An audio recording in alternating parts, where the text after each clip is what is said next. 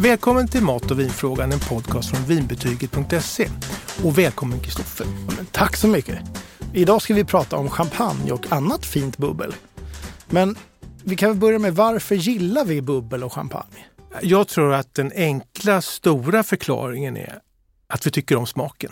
Ja, Ingenting kan bli populärt och stort och omtyckt i mat och dryckesvärlden om inte smaken är någonting som vi direkt tar till oss. ja, Det går verkligen. liksom inte att trendmässigt trycka fram saker som inte vi, våra smaksinnen tycker om. Det är friskt, Mm. det är svalt, det gillar vi, kalla drycker. Och så är det bubblorna. Mm. Och kolsyra tycker vi om i andra sammanhang också. Mineralvatten och öl och Coca-Cola eller vad det är. Mm, ja, precis. Och sen så har vi väl också det här med att i eh, champagne, det är symbolen för du vet, seger eller vi firar eller kärlek och romantik. Och Mm. Det här har ju alltid varit liksom en dryck som man ser i, i, i märkvärdiga sammanhang också. Ja, framförallt i positiva märkvärden. Ja. ja. Men det kan ju vara du vet, ett bröllop i, Ja, i England säger vi, som är gigantiskt. Ja. Och där är det champagne då naturligtvis i glasen. Jajamän.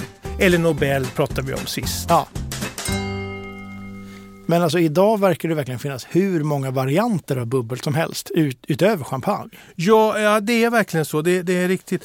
Och jag tror att det beror på att vinproducerande länder Mm.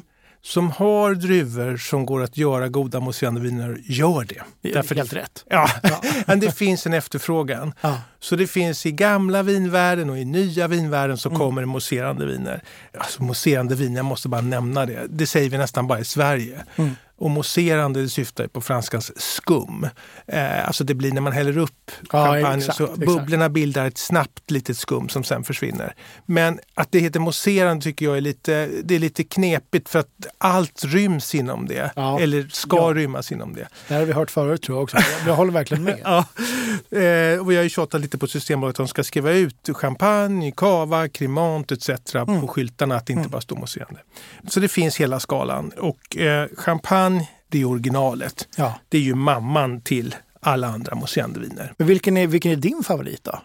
Ja, men jag, är, jag tycker ju om att champagnen ska ha lite bett om du förstår vad jag menar. Ja. Det ska inte vara som att dricka Pommac som Nej. är liksom lite Nej. sött utan det ska vara sk- lite skarpt sådär. Ja. Får gärna lite liksom, motstånd först och sen Det så ja, första klunken, oj!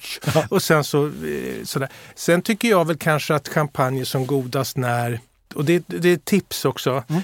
Har man flera drycker, viner, en lång middag, vi säger till Mm. nyårsafton, då tycker jag man kan börja med sin finaste eller bästa är champagne. smaklökarna är på topp fortfarande. Ja, ingenting annat konkurrerar. Ja. Och man själv kanske är på topp. Men man heter den på topp också. ja, är det sant? exakt. Så det, det, det tycker jag, att- och då känner man verkligen smaken. Ja. Finns det några saker man ska tänka på när man ska servera och dricka bubbel? De flesta av oss dricker ju inte champagne eller bubbel varje dag. Och då har man champagneglas kanske, såna avlånga vackra glas. Mm. Och då har de kanske... Dammat till sig. Ja, Ja. tänk dig att du precis öppnat flaskan och så ska du hälla upp Mm. och så ser du att det är en liksom hinna på glaset lite dammigt. Då är det ju too late. Ja. Säger man att man har några hemma som man ska servera till och ska man då panikdiska de där glasen Mm. då med vattendroppar och diskmedel och grejer och så ska den här drycken i. Det är inget bra. Så diska glasen gärna liksom någon dag innan så man vet Mm. Ja, det i lugn och ro. Ja, det, det är smart. Och då slipper man, det brukar bli en liten skåpsdoft i alla glas som står ett tag. Det andra är ju då att om du kommer hem eh, klockan sju med dina påsar Mm. från Systembolaget och så stoppar du in det där i kylen och så kommer gästerna en timme senare, då har det inte hunnit bli kallt. Nej, just det, för de är ganska tjocka också. Flaskorna. Ja, och flaskorna är tjocka för att stå emot trycket ja. Eh, av kolsyran så att inte den sprängs. Då Liksom. var det tråkigt. Ja. ja, så att eh, tre och en halv, fyra timmar får man räkna med. Ja, det är så mycket. Alltså. Ja, och sen kan man ju snabbkyla. Det finns lite, lite olika smarta sätt. Eh, Ja. Dels kan man ju faktiskt lägga i frysen och då får man räkna med en halvtimme. Då kan det också sprängas väl? Ja, längre ja. Ja. Då, man får inte glömma bort där. Eh, och kalla årstider så kan man ju ställa ut på balkongen om det Ja, är just nollgradigt eller så. Ska vi börja i prisordning då och gå uppåt? Ja, men- billigast först. Det är väl pedagogiskt? Ja, Jo, men då tar vi och eh, beger oss ner till eh, Sydafrika. Mm. Där eh, Cap Classic är det som är därifrån va? Ja, och det kommer Kap, det är namnet som kommer av att eh, den Kapstadsregionen där nere, Mm. där Mm. är Kap Classic. Mm. Det här mousserande vinet det heter Pon Graz Brut och det har funnits på Systembolaget i 30 år. Mhm. Ja, så det är en riktig trotjänare som många gillar. Ja, verkligen. Det är ett superbra pris, 120 kronor. Det är ju väldigt bra. Ja, det är det. Och det, historien bakom det här det är det att en adelsman, en ungrare som eh, var flykting efter Ungernrevolten eh, 1956 där, han, eh, han heter Desiderius Pongratz. Han flydde till Sydafrika och började med vinodling. Han hade gjort innan. Så han är den första, han är pionjären bakom mousserande viner i Sydafrika. Mm. Ett väldigt ståtligt namn också. Desiderius tycker jag är extremt elegant. Ja, det är perfekt att starta liksom en ny, ett, ett nytt mousserande märke. Ja, så vi tackar eh, Desiderius Pongratz för den här då. Och den, den är ju lättdrucken och trevlig och eh, den är gjord med champagnemetoden som det kallas. Med jäsningen på, sin, på andra flaskan. Och sen så är det champagnedruvor, Pinot Noir och Chardonnay. Så det är by the book lite Ja, grann. verkligen. Och den har ett trevligt enkelt nummer också. Är det fyrsiffrigt? Ja, Ja.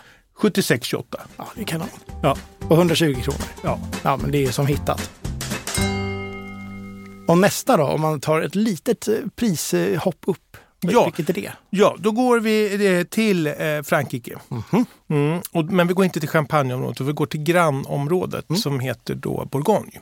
Ja, ja. Ja, och där eh, Det finns... väldigt billiga området.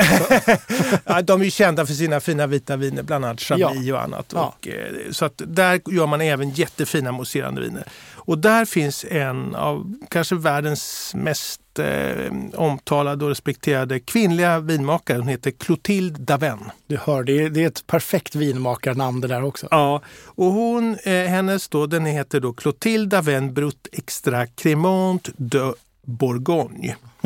Och Cremant är namnet på mousserande viner i Frankrike som görs utanför Champagne. Ja, och det här görs eh, också eh, efter konstens alla regler. Det är Pinot Noir-druvan och de Chardonnay.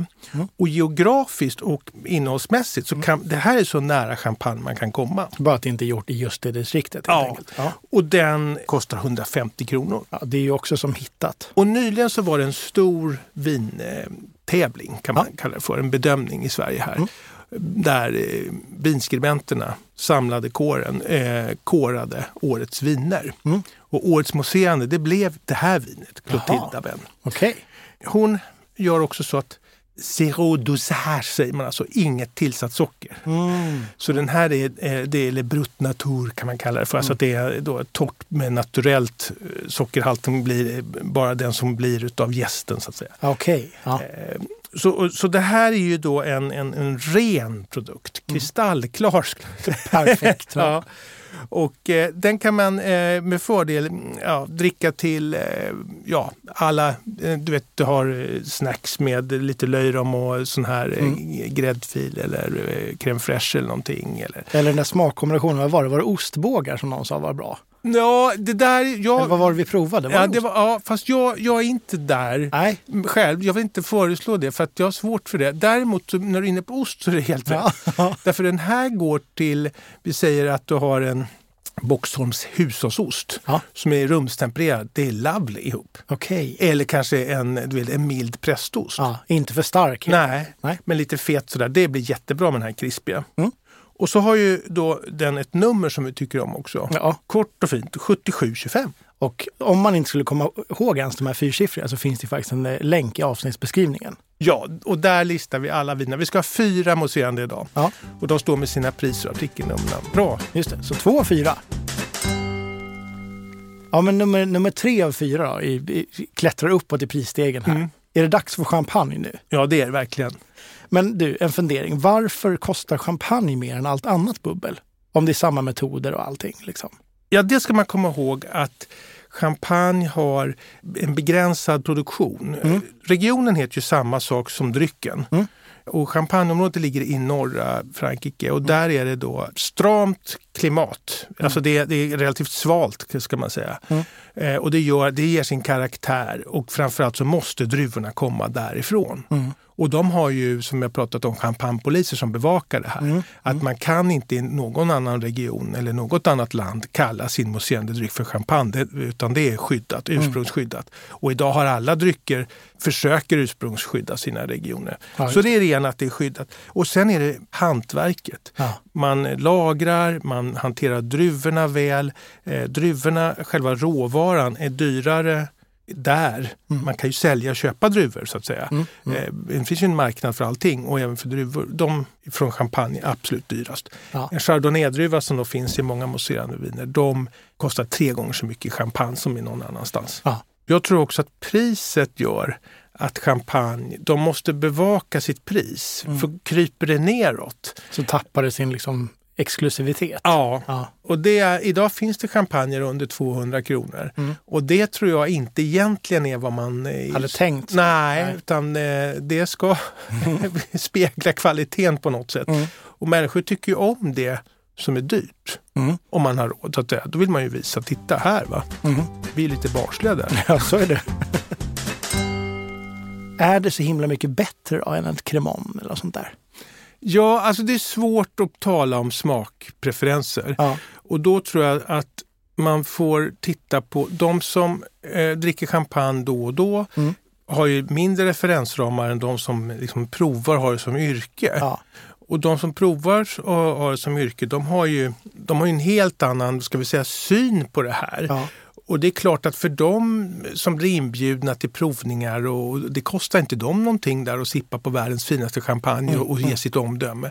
Eh, att de blir väldigt elitistiska i sin både smak och framförallt beskrivning. Ibland så förstår man faktiskt inte när de sk- beskriver en Nej, det har champagne. du helt rätt i. Det är åtta stycken mm, referenser som man ska få ihop i huvudet till en. Ja. Jag skulle gärna vilja besvara den där frågan, men det går inte riktigt att göra det. Nej. Det handlar liksom väldigt mycket om tycke och smak. Man ska ju komma ihåg att champagne dricker vi ofta när det är ett speciellt tillfälle. Vi kanske är uppklädda, det är fest, vi träffar människor, alla är på gott humör. Det bidrar ju också till smakupplevelsen. Det är svårt med champagne. Det är svårt att känna skillnad på de här sakerna. Det tycker även de ytterst, yppersta proffsen.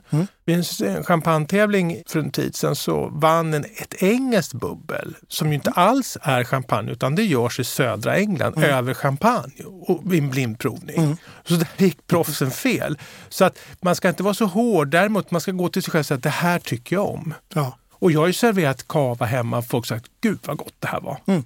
Och det vet jag inte om de gjorde för att alla var på gott humör eller att det var väldigt gott eller både och eller någonting. Men Det man, är ju ganska gott med kava. och jag tycker inte man behöver vara så sträng i de här frågorna. Att det bara är det ena eller det andra. Nej. Och när vi drar iväg prismässigt med champagne som vi kommer att göra idag. Mm. Vi kommer att hamna på några runt 600 kronor.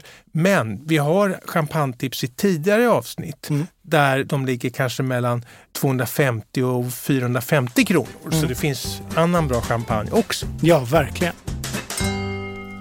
Vilken champagne tänkte du nu tipsa om då? Ja, men idag tänkte jag tipsa om en årgångschampagne. Det tycker jag. Ja. Och årgångschampagne är lite speciellt. De görs bara speciella år. När man pratar om år då handlar det om att det här året har det varit gynnsamma förhållandena. Mm. Så druvorna har inte utsatts för hagel eller torka eller några extremer utan de har fått mogna och bli så liksom matiga och saftiga och härliga så, så som det går. Optimala förhållanden. Och då bestämmer sig champagnehusen för att nu gör vi en årgångschampagne och det kallas ibland vintage på franska då, eller vintage. Så kan det stå på etiketten så står det årtalet efter. Ja. Eller millisime kan det stå också, som är samma sak fast Okej. på franska. Ja. Och vilket årgång ska vi kolla på nu då? Ja, men årgången som har blivit väldigt hyllad det är 2008. Just det. Den har full pott och det Mm. finns kanske, ja, man pratar om bästa året på decennier. Mm. Då finns det ett familjeägt eh, Champagne som heter eh, Enroy eller henroit stavas det. Vi har ju problem med Ja. den här franskan. eh, Ja, för att Ja. det försvinner bokstäver när man uttalar dem. De har 200-årsjubileum i samband med att den här 2008-årgången skulle göras. Okej. Så de har kavlat upp armarna så mycket det bara går för att göra en toppårgång. Den här finns på Systembolaget nu Mm. och då kan jag bara flagga för att den kommer inte att finnas så länge till. Nej, I januari så kommer en ny årgång. Och vill man köpa en champagne att samla på eller Så ge bort. Ja, Ja. eller ge bort kanske i julklapp, då är det här Just det. utmärkt. Den här antar att den här inte kostar 170 kronor. Nej, det gör den inte. Den kostar 609 kronor. Ja, men Så det det- är ett ganska stort skutt. Ja. Men då har man ändå en, en årgångschampagne som är eh, fantastisk. Ja. Och den är gjord efter konstens alla regler och det kommer druvor från olika Grand Cru-byar. Mm. Eh, man rangordnar ju klassystemet i champagne efter byarna. Och då heter de Grand Cru och Premier Cru och så Mm. Finns de det, som inte heter det. någonting. Och det här är bara fina druvor i den här. Litet artikelnummer ska vi ha också på den här. Ja visst. Och det här är lite längre då. Det är 77710. Ja, men ändå ganska eh, symmetriskt och bra. Ja, det tycker jag. Och Kristoffer, jag tycker vi ska titta på den också. Så här ser den ut. Ja, men visst. Vilken fantastiskt fin kartong. Ja, den kommer i en, en vacker box. Ja. Eh, och där ser du, då står det. väldigt tydligt då 2008 i silver. Och så Och står även det, 200 där. För Ja. deras 200 år Ja. ja. Precis. Det här, en sån här skulle man ha. Det Ja. önskar jag mig mamma. Ja. Lyssna mamma nu så kan du få det här julklapp under granen. Exakt. Ja. Och nu då? Nummer fyra av fyra i prisstegen. ja, och det är faktiskt en roséchampagne. Jaså? Ja.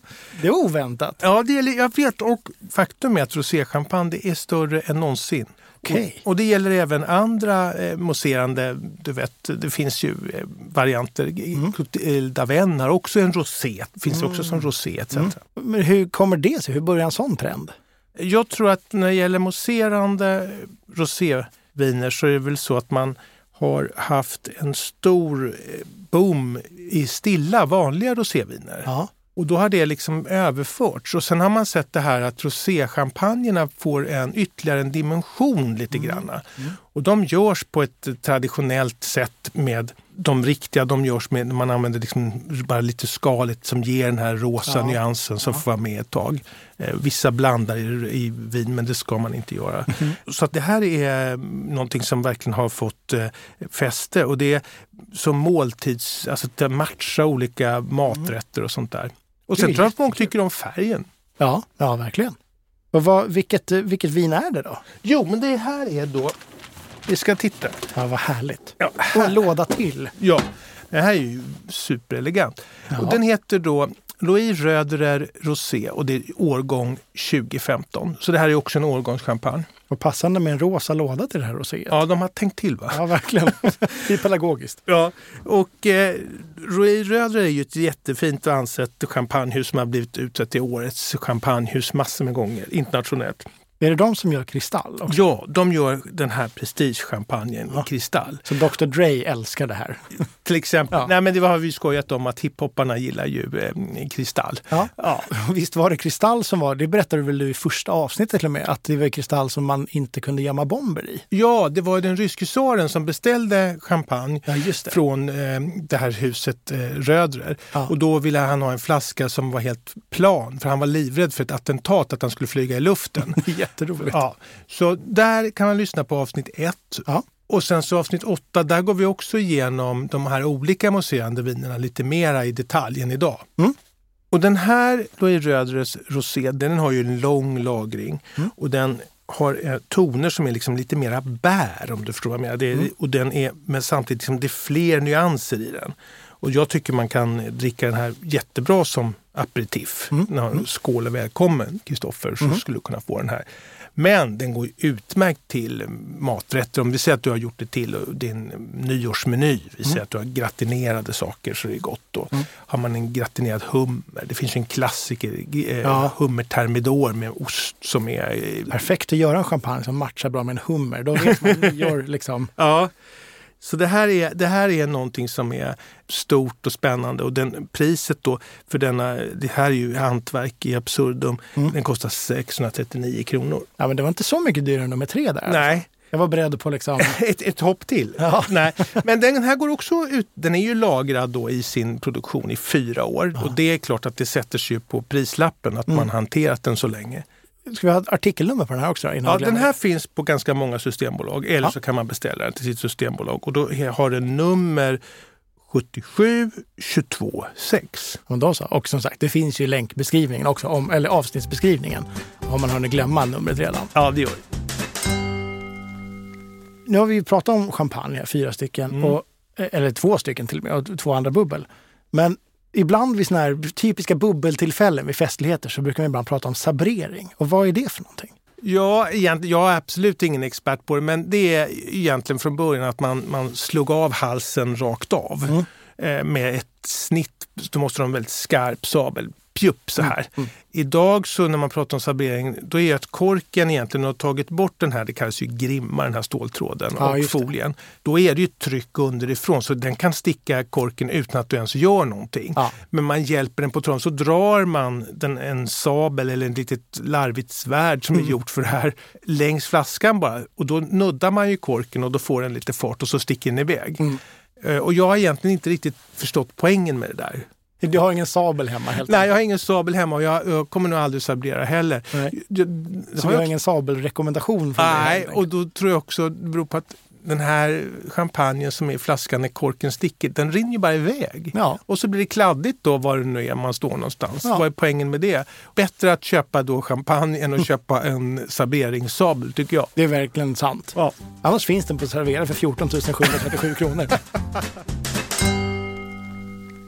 Men du, det här kanske är det sista avsnittet för året. ja, det är det nog. Och vi vill önska alla lyssnare en riktigt god fortsättning. Ja, verkligen. Ja. Och om ni inte har hunnit haft julen, så god jul. God jul och gott nytt år. Så hörs vi nästa år helt enkelt. Hej då! Hej! Har du frågor om mat och vin? Alla frågor är välkomna. Maila till mig på stefan.vinbetyget.se